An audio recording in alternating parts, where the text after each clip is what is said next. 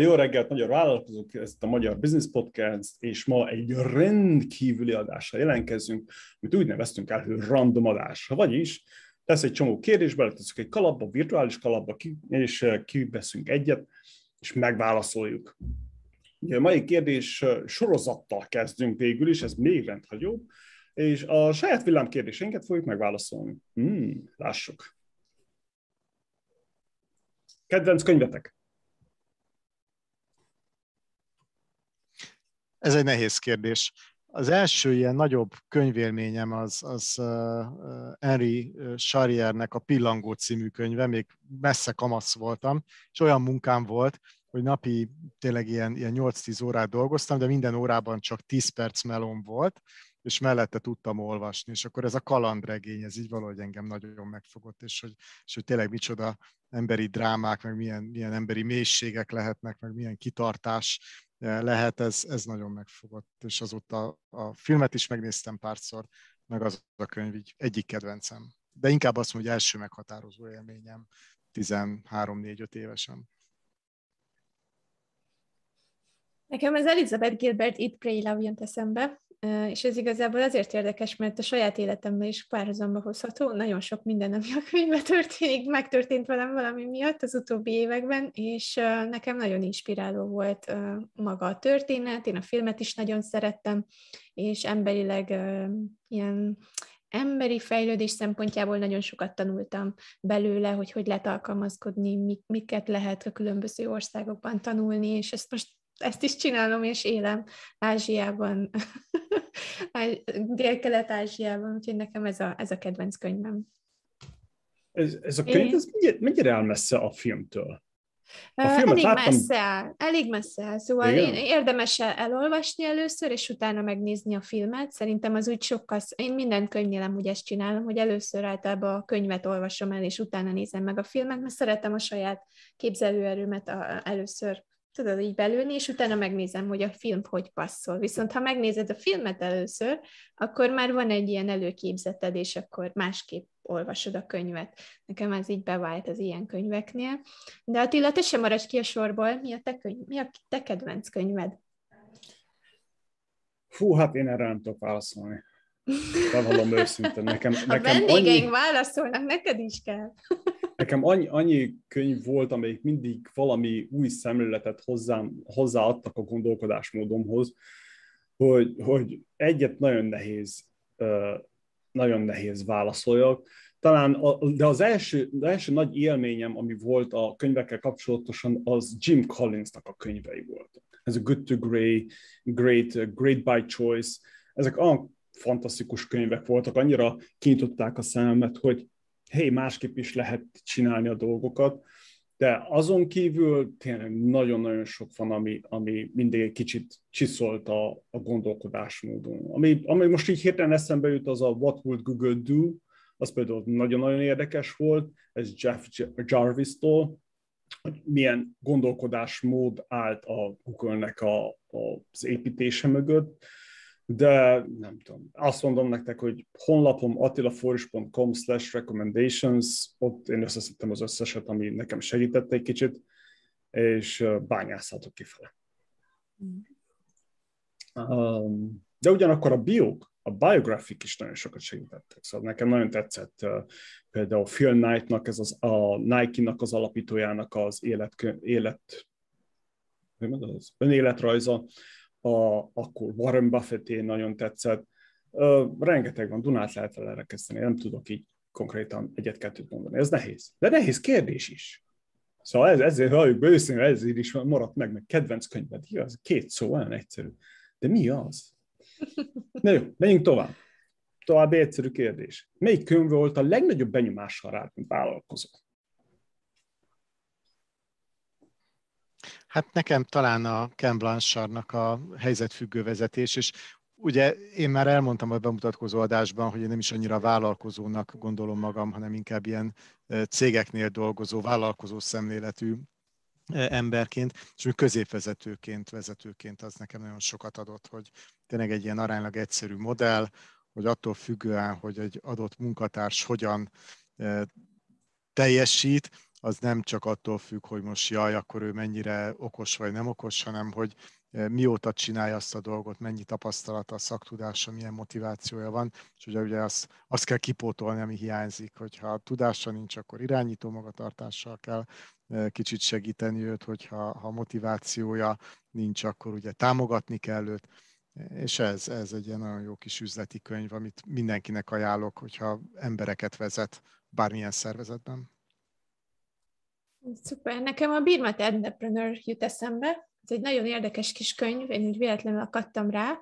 Uh, Turn your good idea into great business, vagyis tör, uh, változtasd át a jó ötleteidet uh, jó üzletekké, és ez Michael Sutton és Christopher West könyve.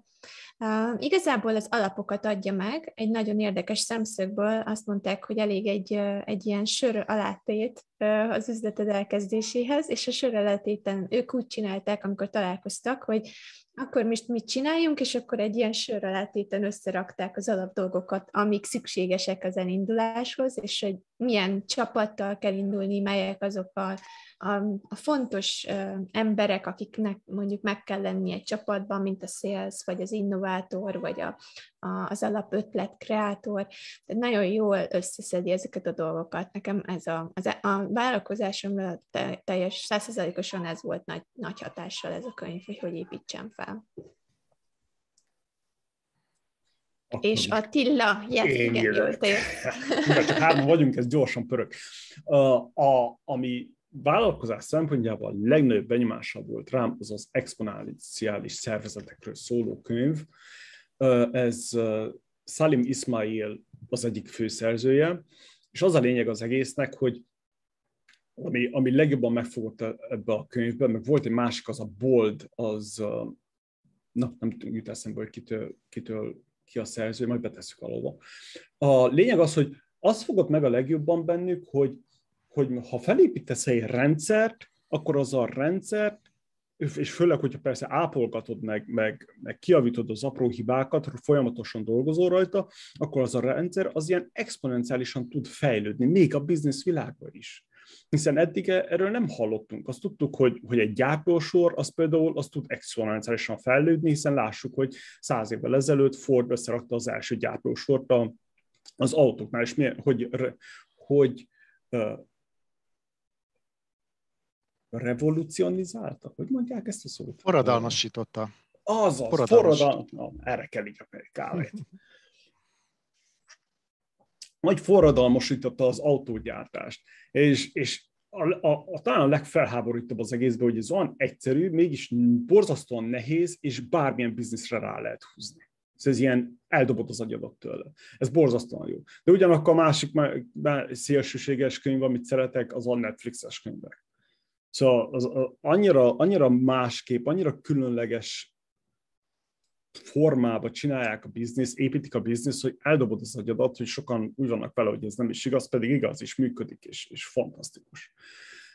Az ilyen szélsőséges könyvek, azok, amik a legjobban hatással vannak rám, és kiráztódik a hideg. Következő könnyű kérdés. Melyik bizniszkönyv segített a legjobban a vállalkozásod építésében?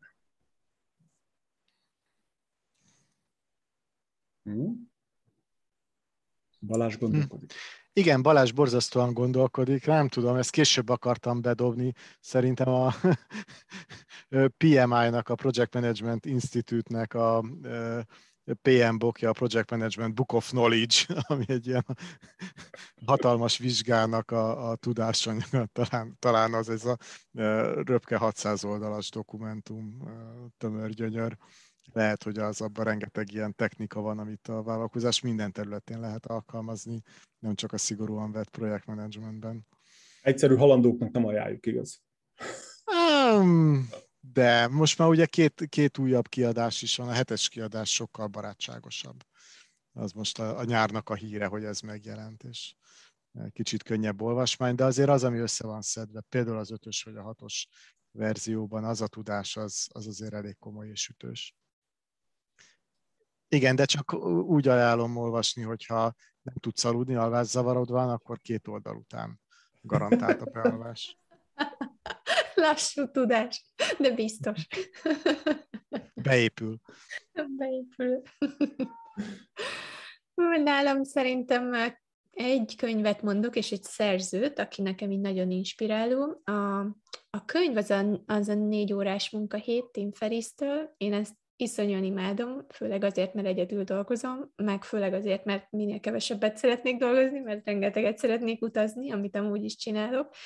Úgyhogy ez nekem egy ilyen bibliaszerű, hogy mindenféle marketing, um, tulajdonképpen tanács, vagy, vagy épp az is, hogy hogy lehet felépíteni ilyen uh, interneten, digitális, érdekes, hogy nagyon régen írta ezt a könyvet, és a mai világban úgy alkalmazható, hogy hogy építs csapatokat, hogy dolgozz másokkal, hogy, hogy oszd le a munkát oszd ki a munkát másnak, hogyha, hogy neked kevesebb munkád legyen, vagy arra tudj fókuszálni, amire szeretnél. Nekem az a dreamlining ötlete is nagyon tetszett, hogy indulj ki abból, hogy mit akarsz, és akkor pénzesítsd, írt mellé, hogy mennyi, mennyibe kerül eljutni odáig, és akkor, hogy mennyit kell keresned, és korozd le, és annyit keres óránként. Nekem nagyon-nagyon tetszett ez a, ez a Lego-szerű felépítése az álmoknak, amit ő így tényleg workbook-szerűen belerakott a, a könyvébe. A másik pedig a John C. Maxwell. Én, én nagyon szeretem őt, nagyon szeretem a stílusát, ahogy ír, és rengeteg könyve van, csak nézzetek utána. Én a vezető képességek fejlesztése miatt olvasom őt, és rengeteg nagyon jól olvasható, és érdekes, nem unalmas könyve van, nagyon jó nyelvezettel ír. Én azért is szeretem őt. Attila, mi újság nálad a bizniszkönyvek? Világában. Igen, hát a, a, a Four Hour Work Week-nél ott meg kell említeni, hogy azért az, az forradalmasította az egészet, mert ugyebár az egész könyvnek, legalábbis vélemény az én szempontomból, az egész könyvnek az volt a, a, a svéd csavar benne, hogy akkor azt mondta, hogy, hogy a gazdagok, hogy mi, mit jelent az, hogy gazdagnak lenni. Ugye már sokan azt mondják, hogy, hogy pénz, legyen sok pénzed, és akkor, és akkor gazdag vagy, de ő ezt megfordította, és azt mondja, hogy ne legyen sok pénzed, keresd inkább kevesebbet, de több időd legyen, és akkor gazdagnak érezheted magad. De nekem ez, ez borzasztóan jó volt, hogy teljesen más perspektívába tette a dolgokat. És akkor onnan indult ki, hogy akkor inkább vegyél fel valaki mást, és inkább dolgozzál heti 5-10-20 órát, most attól függ ki, hogy tudja magának megengedni, és akkor a, a többit pedig egyszerűen azt csinálsz, amit akarsz, és, és élhetsz, mint a havai napfénybe. Hogy is van? Na mindegy. Uh, igen, úgyhogy ez, ez is nekem nagyon-nagyon jó könyv volt, ami, ami borzasztóan segített nekem. Az elején, a, főleg az ilyen időmenedzsment és hogyan kezdjél el embereket felvenni csapatépítésbe, azon kívül nekem nagyon sokat segített az elején megérteni, hogy hogyan működnek a, a befektetők, ez az Angel Investing, és a könyvnek is a címe, hogy Angel Investing, The Gas Guide to Making Money and Having Fun Investing in Startups. Ez is nagyon jó volt, mert borzasztóan egyszerűen, józan parasztésszel vezet végig, hogy, hogy mi a lényeg a befektetésnek. Szóval ez is ugyebár mi, mint, a, mint a vállalkozók, legjobb esetben valami problémát akarunk megoldani, de mikor oda kerül, hogy befektetőt keresünk, az a befektetőnek teljesen más a, a céljuk általában. Szóval teljesen másképp nézik ugyanazt. Persze ők is akarják, hogy te sikeres legyél, de ők teljesen más szempontból uh, elemzik a dolgokat.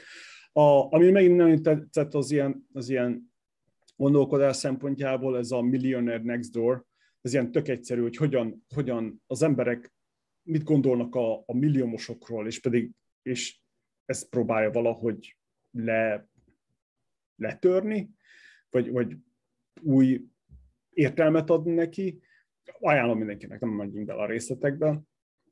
A másik, ami nagyon tetszett az ástruktúrálás szempontjából, ez a free, ez borzasztóan jó volt, a Future Radical Price, ez a freemium modell mennyire jó, és, és hol lehet használni, és a többi. Ez, ez nekem nagyon tetszett megint. És um, azt hiszem, hogy ennyi így hirtelen. Elég hm. volt a mosolyogok meg bólogatok, igen, mosolyogok meg bólogatok közben, egyébként én is olvastam ezeket a könyveket, és ugye mind nagyon jók, és, és mind, hogy mondjam, nagyon sokat adott hozzám, de nem tudom, lehet, hogy én ezeket kevésbé tudtam átültetni a gyakorlatba eddig, tehát azért nem merem még mondani, majd akkor mondom, hogyha tényleg négy órát dolgozok, mondjuk a Tim Ferrisnek a könyvét, hogyha már, már úgy érzem, hogy ott vagyok. De azért nem haradok rosszul maradjunk. Ez a lényeg. Szóval azért ezzel mindig, mindig kitértünk erre, hogy az a lényeg, hogy, hogy haladjál, hogy legyen meg az a célod, és akkor baby steps de tudja, hogy merre haladsz, nem csak úgy kalódsz a világba, és megkérdezed tőle, mint akarsz, és akkor... Na, kedvenc. Kedvenc podcast. És nem ér magyar business podcastet mondani, come on. Pedig, pedig a magyar business podcast. Én most nagyon csalódtam egyébként sok podcastban, én mindig azt szoktam mondani, én rengeteg podcastot hallgatok, és még mindig, de valahogy, valahogy úgy tűnik, hogy egy, egy, egy csomóból kiszerettem, aztán néha, néha jönnek újabbak, nagyon sok angol podcastot is hallgatok, hogyha magyart kell mondani, akkor nem tudom, ilyen, ilyen közéletieket szoktam meghallgatni, nem mindegyik tetszik, mert nincsenek szerintem jól fölépítve, de hát ha egyszer jók a témák, vagy jók a vendégek, akkor az ember meghallgatja. A Formula podcastot nagyon szeretem, ami ugye a Forma 1-ről szól, például azt ki nem hagynám egyik adás sem, csak hogy valami mást mondjak. Én is a Magyar Business podcast fogok kezdeni, mert nagyon jó csapat vagyunk, haha. Nem azért, mert magunkat ajnározom, hanem a vendégeiket imádom, és nagyon jó velük találkozni és beszélgetni, és hogyha visszahallgatják a hallgatók, akkor látni fogják, hogy tényleg értéket közvetítünk, és én ezt nagyon szeretem ebben a kis csapatban. Úgyhogy támogassatok és hallgassatok továbbra is, de emellett én azt mondom, hogy nekem, én nagyon-nagyon szeretem Seth Godint marketing szempontból, és az Akimbo, az ő podcastja az, amit hallgatok, mert mindig valami újszerű megvilágítást látok, vagy hallok tőle. Ez nagyon érdekes, mert minden, mindenről valami valamilyen érdekes külső szemlélői világból jön, és mindig valami új választ ad, valami, valami új inspirációt nekem az Akimbo podcast, főleg marketinggel kapcsolatban, de mostanában már, már ugye az, a vállalkozással kapcsolatban is segít, és elég sok fajta témában um, ad ki podcastokat. Rövid, fogyasztható, nagyon jó nyelvezete van, és egy érdekes előadó a Seth Godin maga. Um, szerintem nekem ez a, ez a kedvenc podcastom most. Hát, hogyha ér az angol, akkor azért én is mondok kettőt gyorsan. A Laura Vanderkampnak a Before Breakfast-jét én szerintem egy párszor említettem itt is, meg máshol is. Ilyen produktivitás, időgazdálkodással összefüggő tippek, tényleg minden reggel hatkor, naponta, nagyon szépen skriptelt podcast, és nagyon ötletei vannak a, a hölgynek.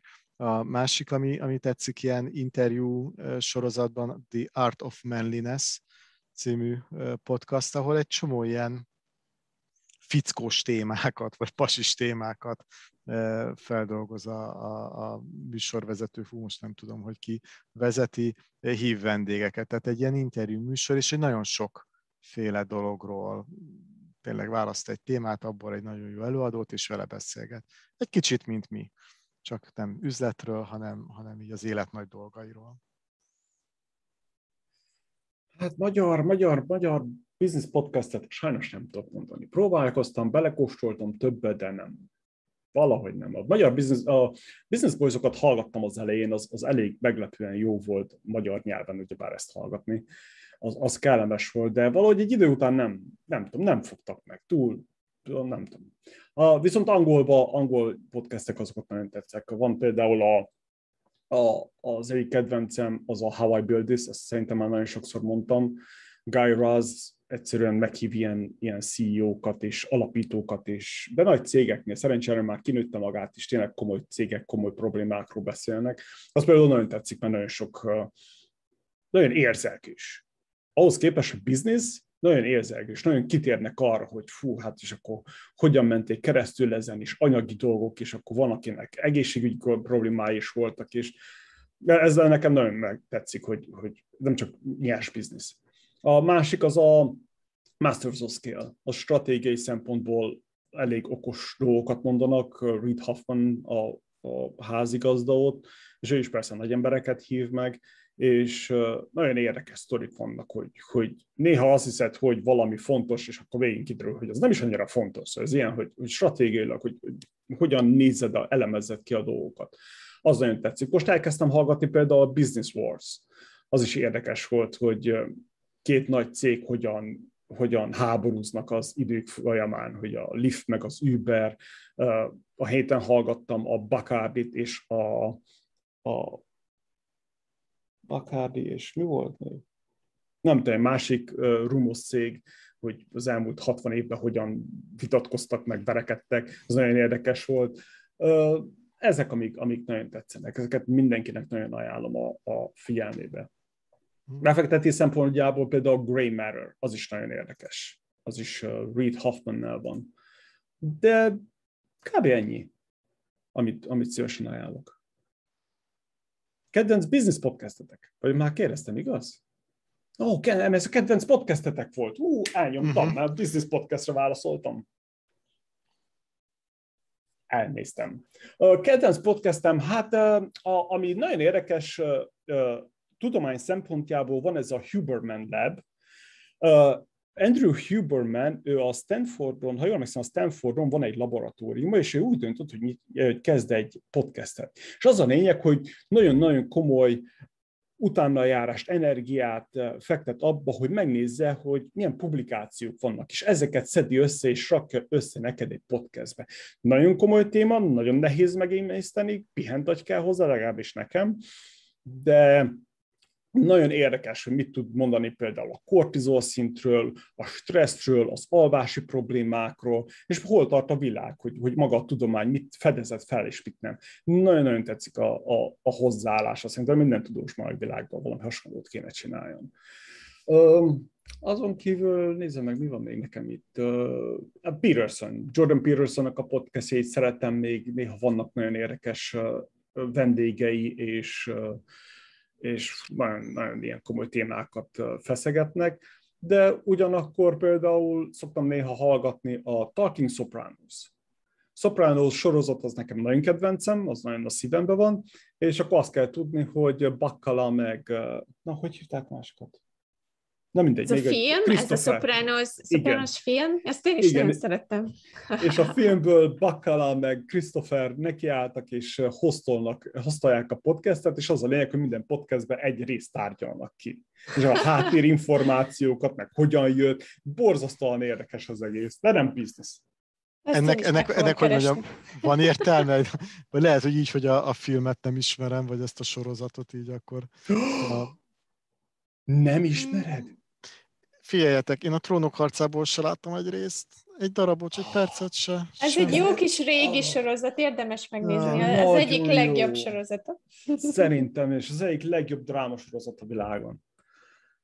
Nagyon fasz, nagyon fasz. Igen, érdekes, mert háttérinformációk vannak, hogy na, milyen bakikat csináltak, meg milyen sztorik voltak például az elején, mikor jött valaki, hogy hát ő nem is abban a sorozatban kellett volna szerepeljen, például Bakkala, hanem valami más sorozatban elébe kellett volna költözön, azt úgy volt vele, á, ő nem akar elébe menni, hogy New Jersey-s csávó, vagy Brooklynos, azt hiszem, vagy valami hasonló. És akkor á, utolsó pillanatban megkapta ezt a szerepet, és akkor ott maradt, kevesebbet fizetett. Ilyen különleges, érdekes dolgok voltak. De igen, az jó, az jó, az érdekes volt. Um, ja, a következő kérdés. Szerintem uh, Balázs jön a bizniszsel, biznisz podcasttel, ha jól emlékszem. Igen. igen. Jó, oké. Okay. Hát ha már egyszer a Magyar Business Podcastot kilőttük, akkor nekem a Harvard Business Review-nak az HBR Ideacast az is így tetszik, ott is mindenfajta ilyen üzleti témát dolgoznak föl, ami a mhm. Harvard Business Review-ban megjelent akkor ott is interjúkkal azt még alátámasztják. Az egy jó, az sokkal könnyedebb ahhoz képest, amit mondtál, de egyből az jutott eszembe, hogy az is ilyen. Igen, egyetértek. Én most belástam magam a marketingbe, meg a médiába, meg most a social médiába, hogy én, én menedzselem az oldalaimat, és nekem nagyon tetszett a, a Think Media podcast, mert ilyen Think podcast, amit a Sean, uh, azt hiszem, hogy Sean mindjárt mondom a teljes nevét, Sean Canel csinálja ezt a podcastot a csapatával, és ők elég jó ötleteket tudnak adni YouTube csatornákhoz, hogy lehet felfuttatni, stb. Szerintem ez most egy nagyon aktuális téma. Ezen kívül pedig meg kell említenem az egyik vendégünket, a Kristófot, az online marketingest. Én belehallgattam, és nekem nagyon tetszik a fiatalos forma, hogy ilyen nagyon lazán beszélgetéssel, akár az utcán, akár egy étterembe leülnek beszélgetni, felveszik az adást, és ilyen nagyon jó témákról beszélgetnek a mindenről az életben, amire egy fiatalnak kell, nem csak online marketingről, és nagyon sok vállalkozói tippet, nagyon sok üzleti tippet is adnak. Úgyhogy nekem ez nagyon tetszett, én ezt hallgatom azóta is, mióta Kristófa vendégünk volt. Igen, ha már itt tartunk a vedélyeknél, akkor biztos Veronikának érdekes a, a podcastja, ez a Rebusiness, rebusiness, rebusiness, igen, igen. Bizony, bizony. Az, az, is, az is érdekes engem annyira nem fogott meg őszintén, mert nagyon felszínes, nem mennek bele a mélységébe. Az ilyen felszínes témákat nem szeretem, azoknak nagyon általában marketing szaguk van, de érdekes, ugyanakkor nagyon érdekes témákat feszegetnek. Meg Dalos Zoldinak kezdtem el ezt a szintlépés, azt hiszem podcastjébe hallgatni bele, uh-huh. és ő is így próbálnak ilyen belemenni a mélységékbe, ilyen, ilyen részleteibe a dolgoknak. Az is, az is érdekes volt. A szintlépés még nem hallgattam, de az üzlet és utazást, a, a másik uh-huh. podcastját, vagy az ő egyedüli podcastját, azt sokat hallgattam. Az is nagyon jó, igen. Igen, gondolkodom, hogy ki volt még itt nálunk talán Brigittának az élhető munkahely, azért az nem, igen, nem igen, rossz, igen. ugye? Ott igen. is nagyon érdekes a téma. Igen, azok is jók, csak nem tudom, nekem bajom van a röviddel. Hogy nem mész bele a részletekbe, nekem annyira bajom van, és mikor elültetik a gondolatot a fejembe, akkor, úgy, akkor így pattanak fel a fejembe különböző kérdések, és akkor nem, nem nincsen megválaszolva, és akkor frusztráltanak tesz, hogy oké, okay, és akkor most eltöltöttem 30 percet azért, hogy utána még frusztráltabb legyen. Na mindegy, hát én vagyok. Ezért, ezért tartunk, ezért tartunk mi is villámkérdéses adást kérdésenként 5 perc hosszúságban. Nálunk nem lehet röviden csinálni semmit, mi szeretjük a két-három órás adásokat, úgyhogy azok, akik szeretik a három órás adásokat, feltétlenül kövessék a Magyar Business Podcast. oh, Oké, okay, pörgessük fel. Mit hallgatsz, olvasom, nézem most? Balázs! Hát most próbálok a Magyar Business Podcastra koncentrálni. Kicsit, kicsit csalok egyébként, mert a három test probléma skifit már végighallgattam. Egyrészt nem, nem olvasom, hanem, hanem hallgattam, de az még egy, egy mostani meghatározó mű, ami nekem borzasztóan tetszett így, így skifi témában. Liu Cixin, nem tudom, hogy hogy kell ezt a kínai szerzőt kiejteni, de Shan Ti, a háromtest probléma kínaiul, és ezt ő kínaiul írta. Állítólag filmbe is föl fogják dolgozni, a Netflix dolgozik valamilyen sorozaton. Én nagyon várom, mert, mert szerintem egy ilyen korszakalkotó eh, skifi. Eh, másik, hát a biznisz vonalon, meg nem tudom, tehát ez a lőjetek le, én ilyen szabványokat szeretek olvasni, a, a Scaled Agile Framework-öt, ugye, hogy hogyan kell vállalatokat agilisan működtetni. Most, most ővelük tervezünk partnerséget kötni, és, és most hát azt a framework olvasom előről, hátulról, kicsit visszafelé, aztán, aztán mélységében mindenhogy. Tehát most ez, ez a kettő, amit így hallgattam, meg olvastam. Andi? Én most nagyon belástam magam a, a kedvenc témáimba, a kreatív leadershipbe, és a, hát a kreatív vezetési stílusba, és a másik pedig a, az önfejlesztés, és az önmegtalálás, önkeresés, utakkeresés, roadmap építés, úgyhogy minden, ami ezen a területen van most a piacon, körülbelül az olvasó listámon van. Visszatértem érdekes módon Balázsnak mondom a Toyota Lean Leadershiphez, mert ott is van, találtam néhány dolgot, amit fel tudok használni idén ebben az építésben, amikor a modulokat építem össze.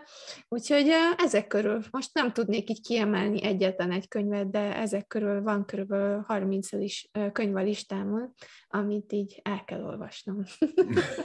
Na, Andi, akkor mesélj, mesélj majd, és beszélgessünk még a Leanről majd.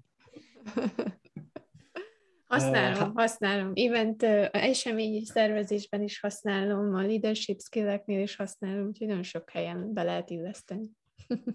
Hát meg, meg kéne illeszteni, nem? Ez kéne legyen a default setting, ez a lean beállítottság, lean Hát ha belegondolsz, hogy mi az tulajdonképpen, hogy lean, akkor, akkor mindennek ez kéne, hogy legyen az alapja, mert a legegyszerűbb formája, a leg, legefficient, legeffektívebb formája minden működésnek az, hogyha minél leanebbre készíted ezeket a folyamatokat, és nem kell túl, túl cicázni, ez csak az, hogy mindent megcsinálsz, amikor kell, úgy, ahogy kell.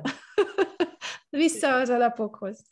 Így van, így van. Szóval ez ilyen, hogy, hogy mondja Balázs.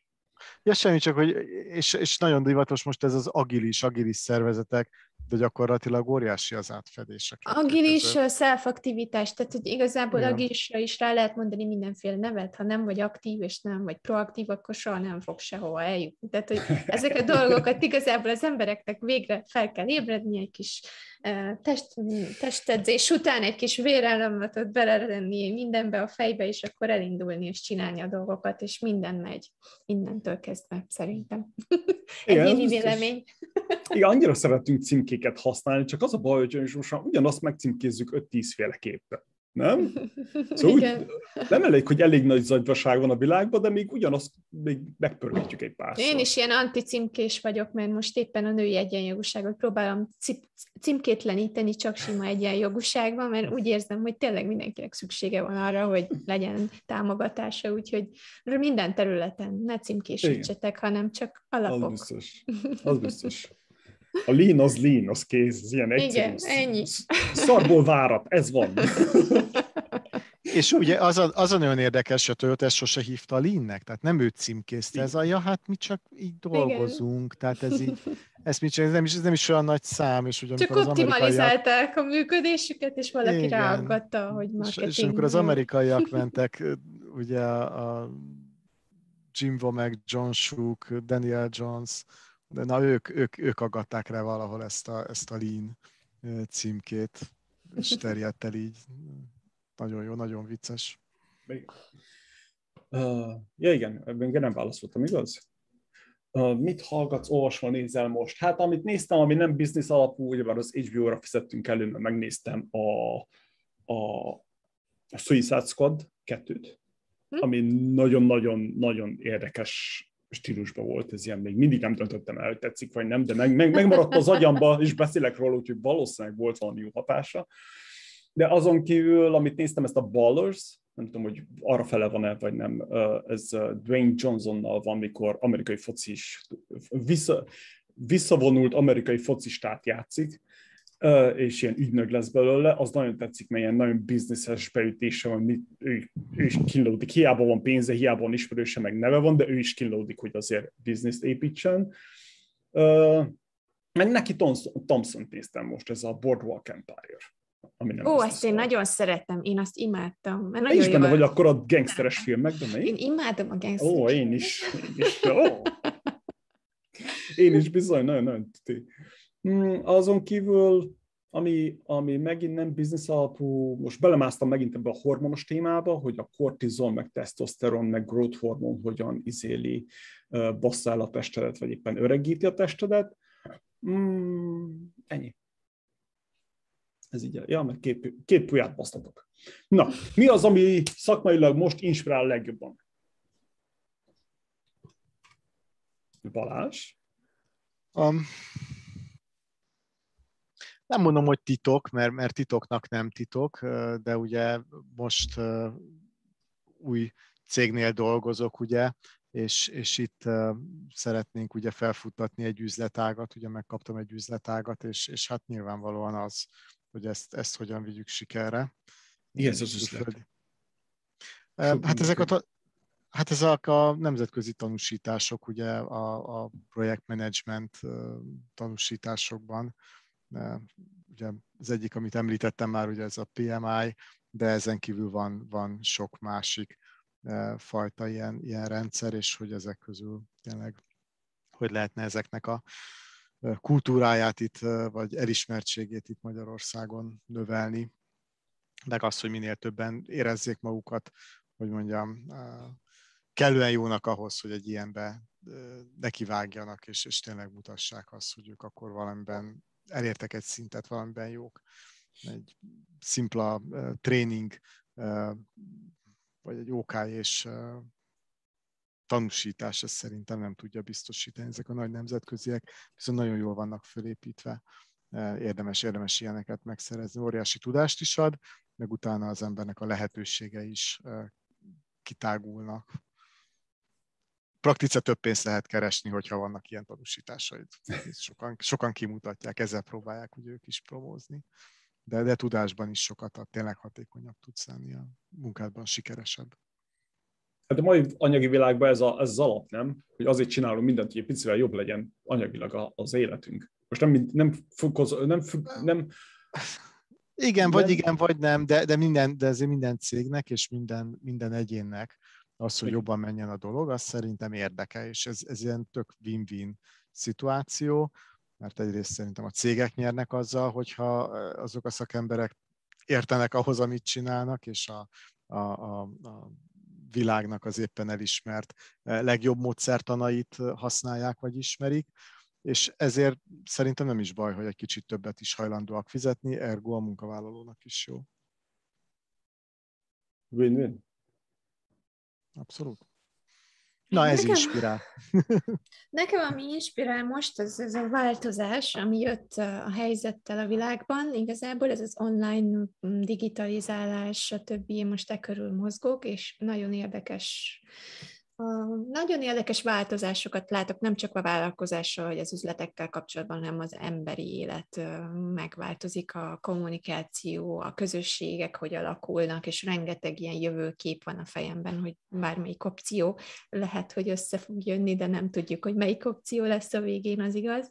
Úgyhogy én így nagyon sokat filozofálok most ezen, hogy hova tartunk, és mi lenne a jó megoldás, és hogy tényleg mindent mindent, amit csinálok a szakmai életemben, azt valahogy hosszabb távon gondolom át, hogy mondjuk, ha tényleg afelé mozgunk, hogy újra kell definiálni a rendszereket, a szisztémákat, a, ahogy működik a világ, akkor hogy fogok ebbe én, mint egy vállalkozó beleilleni, vagy hogy fog az én munkám beleilleni, úgyhogy még mindig segítsem az előrehaladást. Nekem ilyen nagyon komplex gondolataim vannak, mert nem tudok ilyen kicsit begondolkozni, mert beszéltünk erről Attilával, hogy néha így visszahúz, hogy lassíts le egy, egy, egy lépés először, és utána a többi, de valahogy mindig oda lyukadok ki, hogy minden oda vezet, hogy szeretek így elmélkedni, hogy mi lesz a jövőben.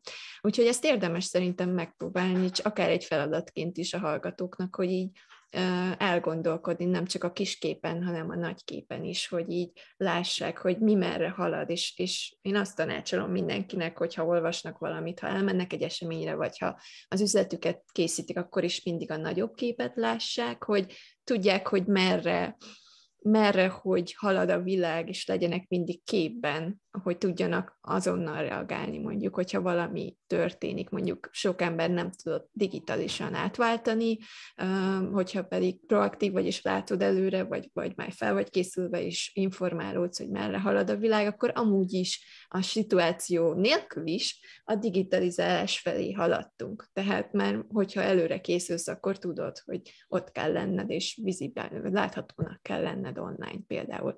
Nekem ezek a változások, a, a változásokhoz való alkalmazkodás, a flexibilitás, ez nagyon, nagyon érdekes és inspiráló nekem az üzletben most.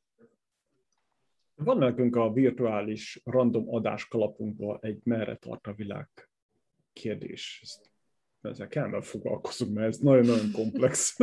Igen, ez szerintem egy, egy nagy hosszú adást megérdemel, mert szerintem én nem, mindenkinek van valami elmélete, és nekem is van rengeteg olyan elmélete, ami ezzel kapcsolatos, úgyhogy megoszthatunk néhány. Ha a hallgatók érdekelnek ebben, akkor lehet egy ilyet csinálni.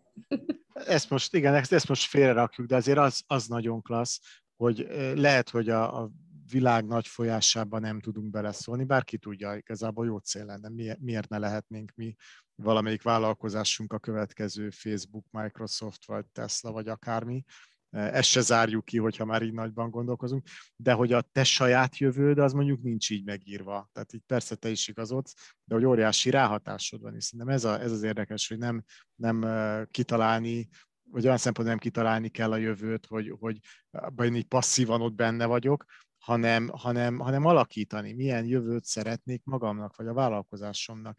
És így mikroszinten szerintem nagyon sok mindent tud az ember tenni, ne csak elszenvedője legyen ezeknek a változásoknak. Igen. Komoly téma.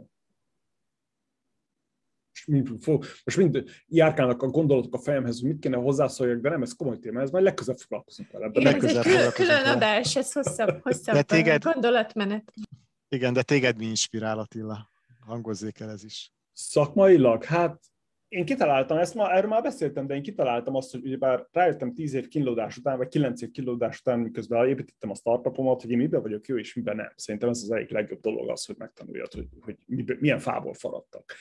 És rájöttem arra, hogy, hogy ez a, ez a stratégiai gondolkodás, ez nekem borzasztóan megy. Még másnaposan is jobban működik, mint általában az embereknek, viszont nekem két, van két nagy hátrányom. Egy, nem tudok programozni, valószínűleg sose fogok megtanulni programozni. Kettő pedig nekem ez a kommunikáció, ez borzasztóan nem megy. Szóval most, hogy, hogy digitálisan valamit kommunikáljak, ilyen vlog, blog, vagy valami hasonló social media, ez nekem annyira nem megy, hogy jaj. Úgyhogy szakmailag az inspirál legjobban, hogy, hogy ilyen, ilyen meglévő, vagy esetleg új projektekbe beletegyem a kis és ilyen, ilyen co-founderként építsünk valamit, csináljunk valami jót valami, valamit, ami megváltoztatja Andinak a világát. Ennyi. De mi ebben a te hozzáadott értéked? Tehát, hogy, hogyha nem a programozás, meg nem a, nem a kommunikáció, pénz, sta- vagy, stratégiai, vagy a stratégia? Inkább a stratégia. Ugyebár a pénz az, az annyira, próbálok nem fókuszálni a pénzre, mert arra fókuszálsz, akkor soha nem csinál semmit. De az a, stratégiai gondolkodás, tényleg hogyan építesz szarból várat? Hogyan építesz fel valamit úgy, hogy az egyedi legyen a piacon? Ugye bár nagyon nehéz már egy új dolgot építeni. De tele van a piac, főleg a globalizációval most már nem csak a szomszéddal versengünk, hanem mit tudom én, Kínával, meg Indiával, meg Latin Amerikával, meg stb. Szóval az egész világgal. De hogyan tudod ezt úgy becsomagolni? Hogyan tudsz egyedi dolgokat hozzáadni úgy, hogy az egyedi is legyen?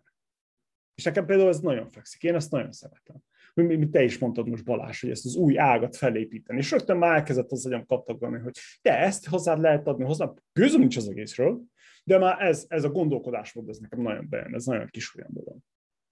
Úgyhogy ez új, új venture-öket keresni, új uh, terveket, programokat, cégeket, mindegy, valami új, újdonságot csináljunk, ami megmozgatja az agyamat és, és kiráz tőle a hideg. Ezt szeretem. Ha elalszom 5 perc után, akkor felejtsük el. Na mindegy. De hát ez vagyok én. Uh, hogyan menedzselitek a feszültséget?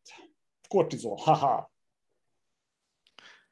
Hát adná, adná a válasz, hogy, hogy sporttal, és persze most, most örülök, mert végre megint sikerül uh, többet uh, sportoljak, de amikor ott van a, ott van a feszültség, ott van a konfliktus, akkor nem, nem tudsz azonnal futócipőt ragadni, és na most elmegyek futni, úgyhogy próbálom tényleg ezeket a mindenfajta örömhormonokat magasan tartani a rendszeres sporttal, de, sokszor abba gondolok bele, például ma is volt egy ilyen kis apró konfliktus, hogy itthon, hogy jó-jó, persze most úgy tűnik, hogy nekem van igazam, és csak nekem van igazam, de hát rengetegszer bebizonyosodott, hogy azért a másiknak is van igaza, megoldottunk már ilyen szituációkat, akármilyen munkahelyi stressz, vagy munkai problémánál előfordult az, hogy jó van, láttam én már ilyet, túl voltunk már sokkal nagyobb problémán is, nagy levegő, jó, mit, mit kell most csinálni, érzelemmentesen mi az, amit itt most meg kell csinálni ahhoz, hogy ez, ez, ez jobb legyen. Gyakorlatilag ez. De egyébként az a, a, alapvető az a sport. Ez nagyon jó, ezt tetszett, ez az érzelemmentesen. Ez, ez borzasztóan jó. Szóval amennyire tudod. Ez... Igen, tehát ez, hát, a, ez a megáll, nagy levegő, kicsit hátralép. Jó, most kicsit szarul érzem, kicsit az egóm, egómba bele van gyalogolva, de, de most nem ez a fontos. Jó, mi az, amit, mi az, amit objektíven meg lehet csinálni, aztán majd szépen a ego, egócskámat majd felépítem 10 perc múlva, amikor már túl vagyunk rajta, amikor megtörtént az akció, vagy nem tudom. Hogy legjobb esetben hazamész, bocsánat, legjobb esetben hazamész, és az asszony felépíti meg. Ja, valami. Vagy a Bélád. Most kinek, ki, kinek milyen van? Kinek milyen? Vagy a kisgyereke. Az, az is. Ők, az is, ők is nagyon tudnak kikapcsolni. Él, életapró örömei. Abszolút. Nekem az jutott eszembe, hogy most ugye szervezem ezt a konferenciát, és 200 előadóm van, és mindegyikkel beszélek egyesével, 30 percet, hogy ugye egyesít, összerakjuk a programot, meg stb. És akkor mindegyik azzal kezdő, hogy hogy csinálom, mert hogy egyedül szervezem ezt a konferenciát már második éve. És én meg mondom, hogy én nem látom a problémát. Tehát, hogy az én szemszögemből, egy hiperaktív ember szemszögéből, aki komplexen látja a világot, ez, ez egy olyan dolog, amit meg kell csinálni. A tánc hátterem hozza a fegyelmet, a, a gyakorlást, az, hogy le kell ülnöm, az, hogy meg kell csinálnom, az, hogy tényleg rá kell szánnom az időmet, és akkor elgondolkoztatok, na jó, akkor én csinálom a marketinget, és akkor meg kell tanulnom a marketinget, akkor megcsinálom. Tehát, hogy én nem az van a fejemben, amikor feszültségről beszélünk ilyen szempontból, hogy én most nagyon ideges vagyok, mert ezt meg kell csinálnom, hanem engem a motiváció valahogy, a motiváció átkapcsolja ezt a, ezt a gombot, feszültség helyett egy ilyen izgatott állapotra, hogy, hogy jó, ez most tök jó, akkor ezt most csináljuk. És ez nagyon érdekes, hogyha az emberek ezt meg tudnák tanulni, akkor szerintem nagyon sok mindent meg lehetne csinálni, sokkal aktívabban, sokkal kreatívabban. Hogyha kikapcsolod ezt a lámpalász mm, dolgot, vagy ezt a feszültség dolgot az életből. Persze ez nem azt jelenti, hogy soha nem vagyok feszült, vagy, vagy de akkor táncolok, bekapcsolom a zenét, és akkor mondjuk én nekem megvan ez a szenvedélyem, úgyhogy ez mindig segített de én úgy érzem, hogy maga itt a, szem, a, a problémáknak a narratívját is át kéne írni, hogy a feszültség az, az lehet jó, vagy át lehet gördíteni motorra, át lehet gördíteni pozitív dologgá, ami előre fog vinni. Én nekem ez nagyon, segít, nagyon sokat segít. Ez, ez, ezzel nagyon egyetértek. Egy pár évvel ezelőtt hallgattam egy ilyet, hogy, hogy feszültségről volt szó, nem tudom, hogy hol, vagy mindegy, nem tudom. De a lényeg az volt, hogy konklúzió, hogy mi a különbség a feszültség és az izgatottság között? Hozzáállás. Semmi más. És ez annyira érdekes, annyira megfogott ez, hogy micsoda hozzáállás. És tényleg az van, hogy mikor, mikor feszült vagy, mert valami tudod, hogy fog történni, egy podcast felvétel, kész a színpadra, és kell mondjál valamit, vagy akármi, akkor a biokémiailag a ugyanazok a folyamatok mennek végbe, mikor feszült vagy, vagy mikor izgatott. Úgyhogy csak az agyadnak a hozzáállása, tényleg ez a kalibrálás, ez a, ez a gomnak a, a megnyomása, az, ami különböztet az egésztől. És ez nekem például nagyon sokat segített az, hogy mikor tényleg van egy probléma, és valaki azt mondja, hogy na, Fóris Attila most ezt elbaszta, akkor ez így rögtön az, első, szerencsére megtanultam beépíteni magamnak, hogy az volt az első, hogy ne az egómat engedjem, hogy lehúzzanak, ne legyen az, hogy most hú, hát én milyen szar vagyok, hát elbasztam, úristen, nem tudom micsoda, hanem rögtön az legyen, hogy oké, okay, mit gondolsz, hol toltam el a dolgot? Hol volt a probléma? Neked miért nem tetszett az, amit én csináltam? És akkor már rögtön úgy van, hogy hé, hát akkor problémáról beszélünk. És ugyanezt látom magamban is, hogy én, én például ugyanígy viselkedek, hogy hívjuk és viszi, és látok, hogy valami probléma, kis Béla elbaszta. És akkor persze kis Béla az úgy van vele, hogy ah, micsoda, én, hát nem. Pedig nem. Most az a lényeg, hogy meg kell keresni a rendszerbe a hibát, hogy kis Béla miért tolt el a dolgokat. Mi volt az, ami hiányzott neki, információ, vagy hogy mondják ezt, az ilyen uh, checklista, vagy akármi, ami hiányzott ahhoz, hogy ő azt, amit csinált, az jobb legyen. És ez nagyon érdekes, hogy, hogy de sok ember úgy van bele, hogy micsoda én, rögtön ilyen átmegyünk ilyen, ilyen védekezésbe, ilyen, ilyen nem, nagyon érdekes. Ez, is, ez egy nagyon jó téma, de még valamit mondanék, mert ugye most nekem nagyon Helyen. sok ilyen kapcsolatom van emberekkel, és érdekes, hogy én ilyen szabad módon rendezem ezt az eseményt, és én mindenkinek engedek kreativitást, hogy akkor mondjátok, hogy akkor mi van. És mindenki szabadkozik, amikor valami hibát találnak, vagy valami, hogy nem akarok, nem akarok beleszólni, te csinálod, töröröm, de hogy akkor itt ezt tudnád így. És én mondom, hogy nyugodtan, nyugodtan. Én imádom, hogyha hozzák ezeket a hibákat. Miért? Mert ki tudom javítani, és jövőre sokkal jobb lesz. Vagy mondjuk éppen most, ahogy szervezzük, akkor azt mondták, hogy ne, akkor ne így csináljam, hanem csináljam így, az sokkal egyszerűbb nekik. Miért ne csinálnám egyszerűbbre nekik? Tehát, hogy ezek olyan dolgok, hogy az egót ezt ilyenkor ki kell kapcsolni, inkább az optimalizálást kell nézni. Én azt gondolom, hogy ez segít. Jó, és ez is mennyire lean, ugye lean megint visszajött, hogy, hogy tényleg tedd láthatóvá a problémákat, Igen. és ugye old meg a, a gyökéroktól, és hogy soha nem az ember hibázik, hanem mi az a folyamat, ami engedte azt, hogy az ember hibázzon. Igen, ez, ez brutális, és, és nagyon sokszor ezen, legalábbis az nekem lehet, hogy különleges helyzetben vagyok, és ilyen, vagy inkább szerencsétlen helyzetben vagyok, és sok, nagyon sok ilyen biznisz ötletem, meg társa, társ kapcsolatom nekem így meghalt azért, mert túlságosan szókimondó voltam, és azt hiszem, hogy teljes támadás, pedig mindig probléma. Ez nem személyes, ez egy bizniszvilág, ez nem család. A családba igen, fogd be a szádat, az az unokatestvéred, az a testvéred, ő ilyen, amilyen, elfogadod, mert vér alapon, családi alapon elfogadod, hozzá tartozik. De ez biznisz, itt problémák vannak. Ha nem oldasz meg egy problémát, akkor az vissza fog jönni. És akkor már nem tudsz haladni. Ez tök egyszerű.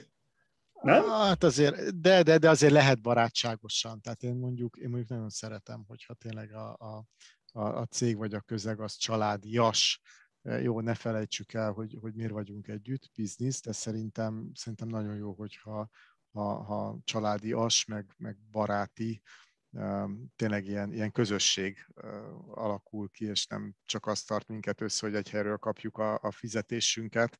Én azért hiszek ezekben a, a, a nagyon szoros együttműködésekben, és hosszú távú együttműködésekben, ami kicsit olyan, mint a család. Persze sose lesz család, de, de azért az nem árt.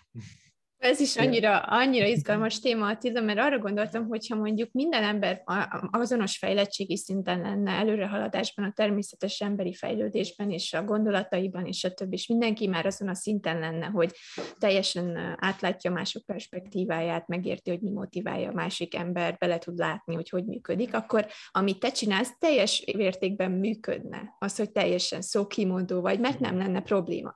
Csak az a probléma, hogy az emberek nem egyforma fejlődési szinten szinten vannak most, hanem mindenféle a, a fele és le, és ezért nem mindenki érti meg egyformán, hogy mondjuk te jó szándékkal mondod, amit mondasz, vagy stb. Tehát itt, itt van egy kis kommunikációs és fejlődési probléma. De ez is egy hatalmas, hatalmas téma szerintem, ebbe is bele tudnánk menni amúgy, mert, mert az emberi világban akkor tudnánk működni, hogyha mindenki, mint a táncban, én azt mindig úgy mondom, azonos szinten level up egymás után szinteket menne azonos szinten. De ez nem így van, mert mindenkinek más a kultúrája, a háttere, tehát soha nem lesz ugyanannyira az empatia szintje valakinek, mint, mint a másik embernek, mert mondjuk nem abban az élethelyzetben, szituációban van, mint a többi ember. Úgyhogy e felé kellene haladni, egyértelmű, de még Igen, van de egy kis idő. Szerintem ez nem probléma. Szerintem ez nem probléma. Ettől szép kerek és változatos a világ. Azzal van a probléma szerintem, hogy ha nem tudod kiszűrni az ilyeneket.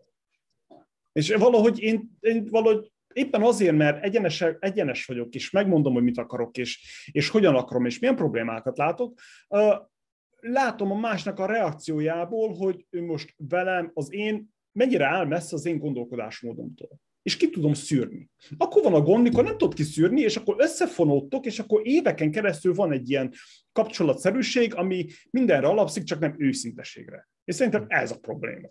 Ma az, hogy most idióta vagy, és idióták között te vagy a kis király, nincsen azzal baj. Na, attól még királynak érzed magad. Mondjad Balázs. kultúra, kultúra függő nagyon. Szerintem Amerikában egészen jó helyen vagy ezzel, hogyha netán valamikor Amerikából el kell menned, próbáld ki Hollandiát. Jó, tehát ők ah, még, akik szerintem még az amerikánál, De hallottam róla. Szókimondóbbak, hogy, hogy ők aztán tényleg bármit beraknak az arcodba, hogyha nem Igen. tetszik nekik. Igen, hallottam róla. Úgyhogy nagyon vicces. És nekem nagyon szimpatikus, hogy azon túl, hogy mi most úgy tűnik, hogy két, egy, egy, egy valamilyen, valamilyen intervallumnak a két vége felé helyezkedünk el, és nekem nagyon fontos, hogy jaj, csak meg ne sértsük a másikat. Én mégis nagyon szeretek a hollandokkal dolgozni, meg, meg nagyon bírom őket, úgyhogy ja, Hollandia a te országod még.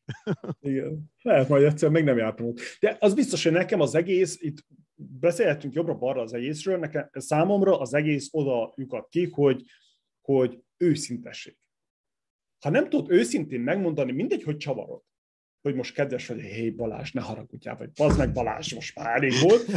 Mindegy a csomagolás, de ha nem tudsz őszintén megmondani valamit egy röviden, 30 másodpercben, vagy maximum egy percben, akkor ott már nincsen bizalom. Szerintem ez ilyen egyszerű. Na mindig. Válaszoltam én a kérdésre? Szerintem igen. Jöjjön, igen. jöjjön, jöjjön, jöjjön még egy kérdés. Eleget beszéltem, oké, értem. Nem akarlak megsérteni, Hajrá, de hogyha van. őszintén, de ha őszintén érdekel a véleményem, akkor, akkor szerintem mehetünk a következő kérdésre. Oké, okay, semmi gond. Mi van a zsebedben, vagy a retikülödben Andinak a szemszögéből nézve? Nagyon vicces, a zsebemben éppen nincsen semmi, de, de a zsebemben is működik egyfajta ötes. A bal zsebemben mindig egy ilyen kis tárcaszerűség van, most a pénztárcát nem használok, apró pénzre nem nagyon van az embernek szükség, az csak a, a kocsinak a, a kesztyűtartójában van valamennyi, amiben a kártyáim vannak, a bérletem, a, a, a, a mi ez még, egy, egy, kis, egy kis papírpénz, de abból is nagyon kevés. A jobb zsebemben mindig a telefon, tehát gyakorlatilag teljesen rá vagyok függve a telefonra, mindig velem kell lenni, mindig hallgatok valamit, úgyhogy egy bluetoothos pici ilyen kis füles, most itt mutogatom ugye nektek, ez a, ez a kedvenc fülessem most, de ilyenből van legalább még négy különböző töltöttségi szinten, akkor az egyik mindig nálam van, a telefon, meg ez a kis tárca. Egyébként meg a, az irodám elfér egy hátizsákban, és ezen tényleg tegnap, tegnap volt vicces, hogy gyerkőccel voltunk játszótéren, de még volt egy kólom, és, és hogy nem tudtam, hogy hol fog az érni, hazaérünk, nem érünk haza, úgyhogy vittem a laptopomat, egy ilyen kis felírótömböt papírral, gyakorlatilag, meg, meg egy kis neszeszer, ilyen utazós neszeszer, amiben, amiben minden cucc ilyen 100 ml alatti, gyakorlatilag, ha most valaki azt mondaná, hogy Balázs menni kell, mit tudom én, egy háromnapos kiküldetésre valahova, simán el tudnék menni azzal a hátizsákkal, két alsógatját, meg két pólót kéne bedobni, azon kívül mehetnék, mert, mert az mindig nálam van. És akkor vicces volt, mert egy, egy anyukával voltunk, és akkor ő kis szálka ment a kezébe, hogy nincs nálad véletlenül egy tű. De mondom, van nálam tű is, de van csipesz is a bicskámban, egyébként van nálam ilyen kis alkoholos fertőtlenítő is. Hát bocsánat, most éppen, éppen sebb tapaszt nincsen. De a necesszerben annak is lennie kellett. Tehát, hogy az én, én hátizsákomban minden van, ami a túléléshez kell. Akkor te é- éled is azt a lean hozzá. Azért mondta a five-es. Körülbelül, igen. igen, tehát ez az ötes máshol nem működik, majd, majd lesz még egy irodás kérdés, én tudom, de a táskámban simán működik az ötes. Nekem nálam a nadrág az körülbelül ilyen a táncos múltamból, én nem rakok semmit a zsebembe, mert ez nekem esztétikai probléma, hogyha valami kidudorodik valahol a zsebeimbe, úgyhogy én ezt valahogy így megszoktam, hogy én edzőnadrág farmer, teljesen mindegy, soha nem rakok semmit a zsebembe. Viszont a táskám az körülbelül ilyen Mary Poppins jellegű, hogy így belenyúlsz és bármit megtalálsz. Nálam így minden szokott lenni, ami bárkinek kell, mert én ilyen nagyon empatikus vagyok, úgyhogy ha valakinek valami baja van, mindig a táskámból kihúzom, és így odaadom az embernek abban a minutumban. Körülbelül ennyi. Attila? Most, most erről a, ezt elmesélem, mert nagyon érdekes, hogy, hogy ezről a kidudorolásról jutott eszembe, hogy tegnap, vagy tegnap előtt éppen sétáltam, és volt egy csaj, jött velem szembe, és volt rajta egy ilyen nagyon feszes, sportos top.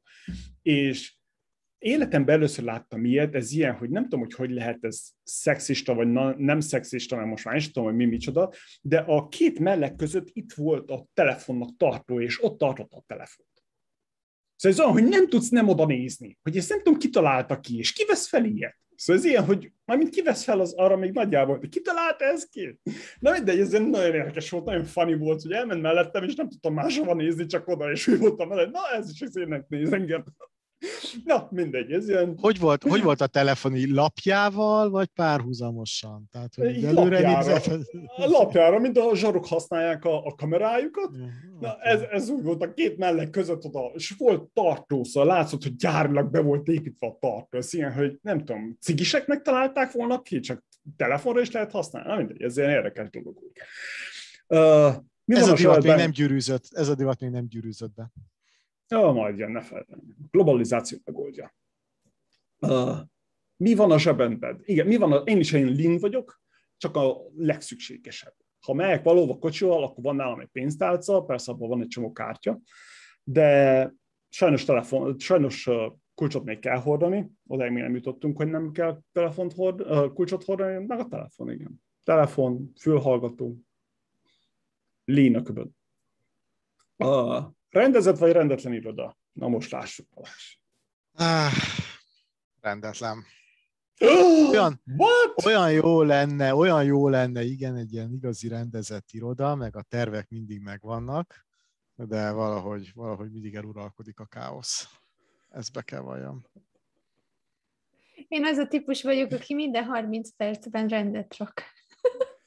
Mindenhol? Körülbelül, mert 30 percig így mindent szétszedek, rakok, írok, szeretem a tollakat, a papírokat, rengeteg papírra írok, én nem nagyon szeretek gépelni még. Most tanulom, hogy arra szokjak rá, hogy mindent a gépben nyomjak, ne papírra közvetlenül, de én nekem 30 percenként rendezni kell az irodát, mert azt érzem, hogy akkor a fejemben is rendetlenség van, hogy az íróasztalomon nincs rend. Attila, milyen a te irodát? De az egy, egyébként láttam a videóidon, hogy tényleg háttérben az mindig az a stúdió, izé, lean az egész. Igen. Ami nagyon jó, mert sok amatőr el, el, elköveti azt, hogy ott van a szennyes kosár a háta mögött, meg a tányér maradék szendvicsel, ez ilyen nagyon amatőr. Most van egy hasonló háttérben, de van virtuális hátterem, úgyhogy... Ennyi. De nekem rendet, rendezett iroda. Rendezett. Nagyon sokáig rendetlen voltam, és azt figyeltem meg, hogy minden héten eltelt, rá kellett szálljak két-három, akár négy órát, és összeszedjem a dolgokat. És a hétvégémnek a fele, egy napnak a fele elment rá, és úgy voltam el, hogy ez not sustainable, Úgyhogy most tényleg az asztalomon minimális dolgok vannak, monitor, lámpa, mikrofon, kamera, de azon kívül egy PZ van, PZ-s doboz van, és van egy, egy most hát olyan kapcsoltam ezt ki. És van egy csészítartó, ennyi. Jut eszembe ez a milyen iroda, tehát hogyha a hátizsákomat tekintem irodának, akkor az rendezett. Most én se a kis asztalkámnál ülök, hanem ugye a teraszon.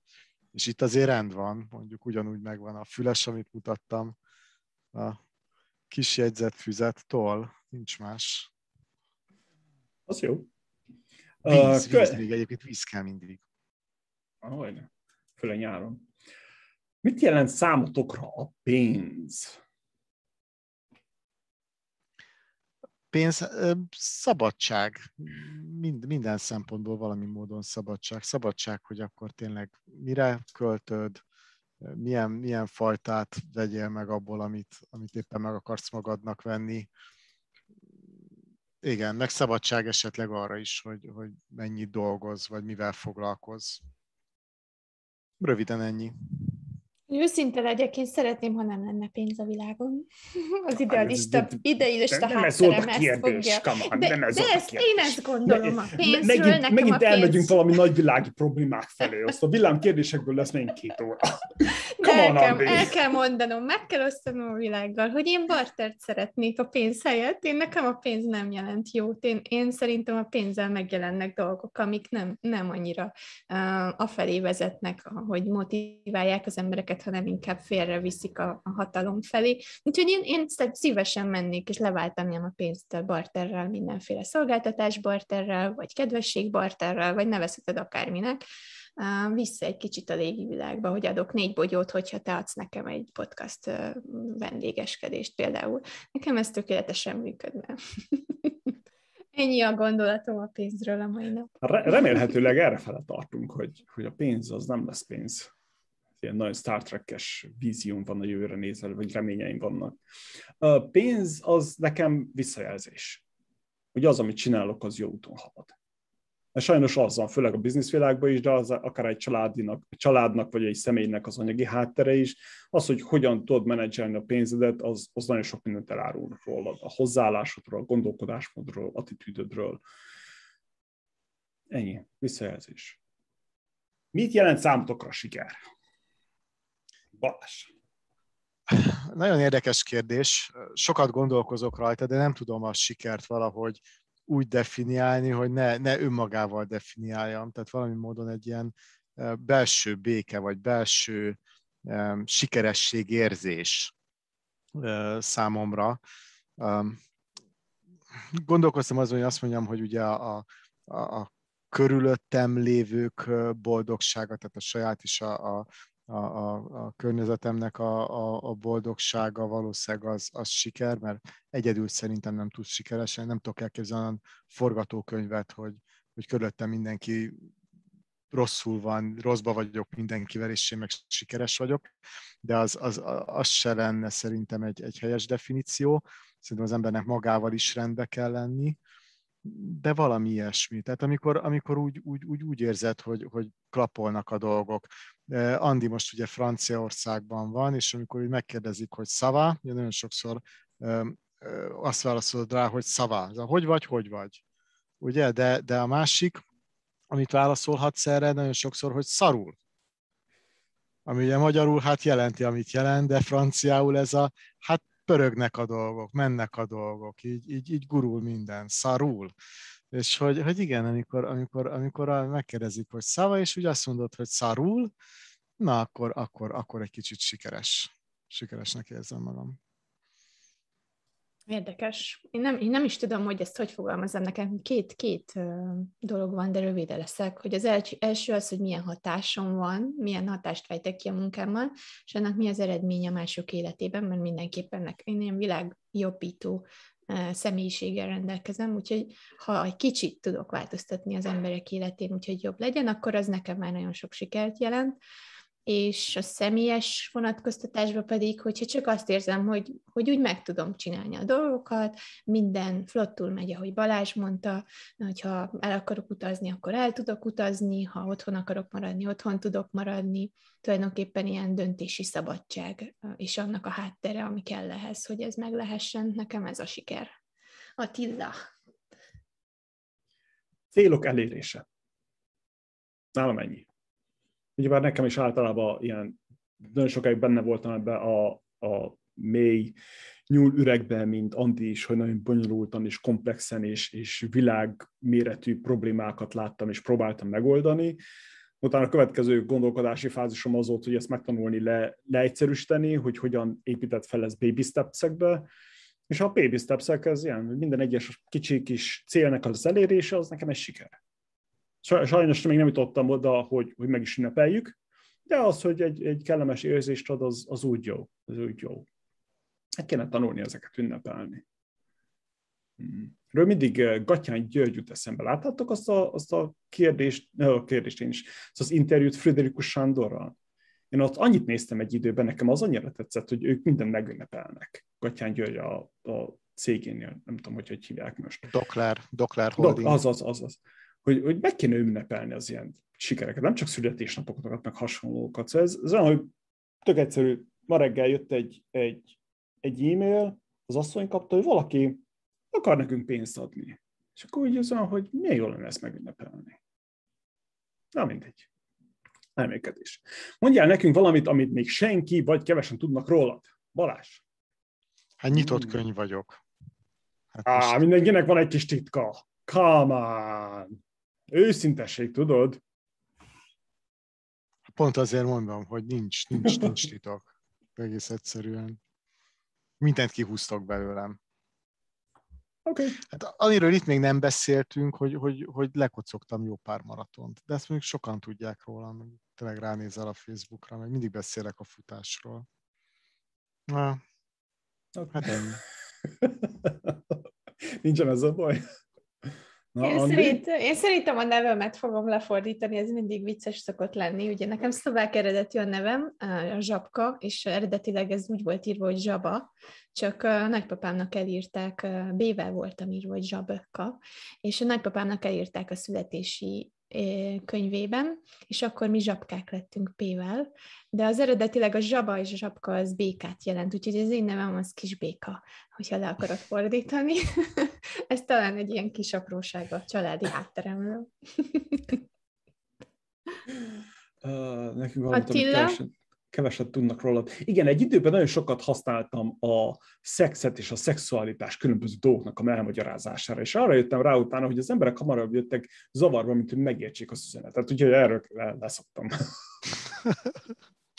Igen, mert nem, tök egyszerű volt a gondolkodásmód, bár szexet azt mindenki szereti, valamilyen szinten műveli is, általában az emberek, és ez ilyen, hogy az a fel lehet, hogy senki nem beszél róla, úgyhogy ez ilyen, fel lehet hozni vele a dolgokat, és, és elmagyarázni, és stb. De azt, azt az emberek köz szó, nem, nem viselték jól néven. Hogy nem tudom. Mindig csak elvörösödtek, és így elhallgattak, azt úgy éreztem, mint a falnak beszélni. Na mindegy. célodat nem érted el akkor, hogy, hogy megértsék. Igen. Hát akkor valami másképp kell csinálni, igen. Túlságosan extrém maradt. Csak, csak egyszerűen szitkozódom manapság, nem. Szexet csak műveljük, az kész. Szerinted mennyire fontos a szerencse az üzleti életben? Tudsz mondani egy százalékot? Igen, kettőt is tudok mondani egyébként. Nulla, Két meg száz. Tehát ah, nulla száz, igen, tehát nulla százalék, meg száz százalék. Ez a, tehát csak egyet nézzük. kell mondani. Jó. Mindenképpen nagyon fontos, és ezért mondom, hogy száz százalék, mert, mert én nem láttam olyat, hogy valaki, hogy mondjam, ne, ne úgy lett volna sikeres, hogy valami módon jó helyen volt, jó időben, tehát, hogy, hogy valahol szerintem bármilyen cégnek a, a, a, a története így, így fölmerül bennem, abban azért valami, valami módon siker az van. Tehát a, az összes siker történetnek a száz százalékában valamennyi szerencse van. Viszont olyan szempontból nulla százalék, hogy nem, tehát soha senki nem lett úgy sikeres, vagy, vagy talán akkor a kivétel erősíti a szabályt, hogy, hogy csak ült, várt a sült galambra, és, és, és akkor az, az megjött, és akkor, akkor beütött neki a nagy siker, belenyúlt abba a, coinba, bitcoinba, soha nem csinált előtte se hülyességet, hanem, hanem mit tudom én, megvette a bitcoint kezdet-kezdetén, most megmaradt neki, és most meg milliárdos, és utána meg nem is, nem is száll el magától, hogy ó, értek én ehhez, és akkor el is veri a pénzét, hanem, hanem egyszer szerencsés volt, és örül a szerencséjének. Ilyen szerintem nincs, hanem, hanem akik, akik sikeresek és hosszú távon sikeresek, azoknak, azok valahogy fölépítették azt a képességet, hogy ők tudjanak az üzlettel, vagy a pénzzel, vagy akármivel bánni. Tehát, hogy ilyen szempontból mindenki fölkészült arra a, a, a szerencsére, ami, ami érte őt, úgyhogy ilyen szempont meg nulla százalék, tehát hogy, hogy, hogy nincs olyan, hogy most akkor csak, csak szerencsés voltam, és, és nem tettem érte semmit. Sok olyan sztoriról hallok, hogy, hogy, hogy igen, szerencsés volt, jó helyen volt, jó időben, egy nagyon gazdag emberrel fociztunk, még, még én kis, kis porbafingó pályakezdő voltam, és ő már, ő már akkor Magyarország leggazdagabb emberei, emberei között volt, és akkor úgy kérdezgettük, hogy de mégis hogy kezdette ezt el, és mondta, hogy hát kárpotlási jegyek, adtam, vettem, voltak még részvényeim, stb. És egyszer csak azt vettem észre, hogy nagyon gazdag vagyok. És ez ilyen, ilyen, ilyen tök, tök jól, meg tök szerényen, meg tök, tök szerencsésnek hangzódik, de egyáltalán nem az volt. Ő állt sorba, mit tudom én, váltotta be ezek a kötvényeket, győzött meg embereket, vette, adta el jó időben, értett hozzá, kiszámolta. Na, tehát, hogy, hogy, hogy igen, ez így, ez így jól hangzott, hogy ő szerencsés volt, nem, kurvára nem szerencsés volt, hanem sokat dolgozott vele, meg, meg mellesleg igen jó helyen volt jó időben. Én szerintem ehhez tudok így hozzáfőzni annyit, hogy én olyan 40-60-at mondok, hogy 40% az szerencsé, és 60% az aktualizálás, az, hogy tényleg tegyél érte valamit. Viszont 40%-ban én a, a networknek a szerencséjét mondanám, az, hogy milyen emberekkel veszed magad körül. Tehát, hogyha ha bele, bele sikerül kerülned egy olyan körbe valami folytán, akár a munkád során, vagy a munkád révén, akik tudnak majd később valami, valakivel összekötni, akkor én azt szerencsének nevezem, hogy akkor az az ember éppen mondjuk ismeri azt a másik embert, és akkor azon keresztül majd te nagyon sikeres leszel, és szerintem ez szükségesen nélkül nagyon nem lehet. Persze ez is a munkával kezdődik, de szerintem ez inkább szerencse, hogy mondjuk az a kapcsolati háló, amiben így beletaposol, az most tényleg az a háló-e, ami téged előre vissza, vagy nem, és ez, ez nekem ez egy szerencse kérdése. Attila? Hát nekünk volt egy Tibor nevezetű jó? Társunk? Társ? Igen. Co-hostot akartam mondani, nem tudom miért. De társunk, társunk. Igen, társ, Tibor. szép magyarul, igen. Társunk, és um, ő mondta, hogy hát úgyse tudod irányítani, úgyhogy mit számít és ez nagyon megmaradt bennem. Ez tényleg erről lehet beszélni jobbra-balra, de nem tudod irányítani, nem tudod mérni, nem tudod, hogy, hogy azért, mert te azt hiszed, hogy valami szerencse történt veled, hogy az tényleg szerencse volt, vagy nem valamit csináltál valamikor, ami éppen akkor térült meg. És annak is mekkora szerencséje volt, hogy éppen akkor térüljön meg. Szóval ez ilyen, hogy nagyon filozófikus az egész, nagyon be lehet menni ebbe nyúl üreg stílusba és beszélni róla, de nem tudom, nem tud irányítani. Kőkemény munka kell hozzá, okos munka, szóval meg kell fontolni, hogy mit csináljál. Tényleg ez a networkingolás például az nagyon fontos, de nem, nem szabad bárkit a networkodba közel tartsál magadhoz, szóval a hulladékot ki kell, meg a nem relevánsat főleg ki kell, ki kell uh, írtani onnan, de azon kívül csak csinálni kell, és tényleg el kell gondolkodni. A házi feladat megcsinálni, ez a due diligence. Én azt látom, hogy az emberek nagyon sokan azt nem csinálják meg, és akkor azt hiszik, hogy fú, hát a másnak szerencséje volt. Nem, le kell ülni, és utána nézni, és csinálni. Ez egy jó összefoglalója a mai adásnak, hogy igazából semmi más nem kell egy üzleti sikerességhez, csak saját magunk aktivizált formája, línen működve. Rendezett irodában. Rendezett irodában. Rendben tartott zsebekkel.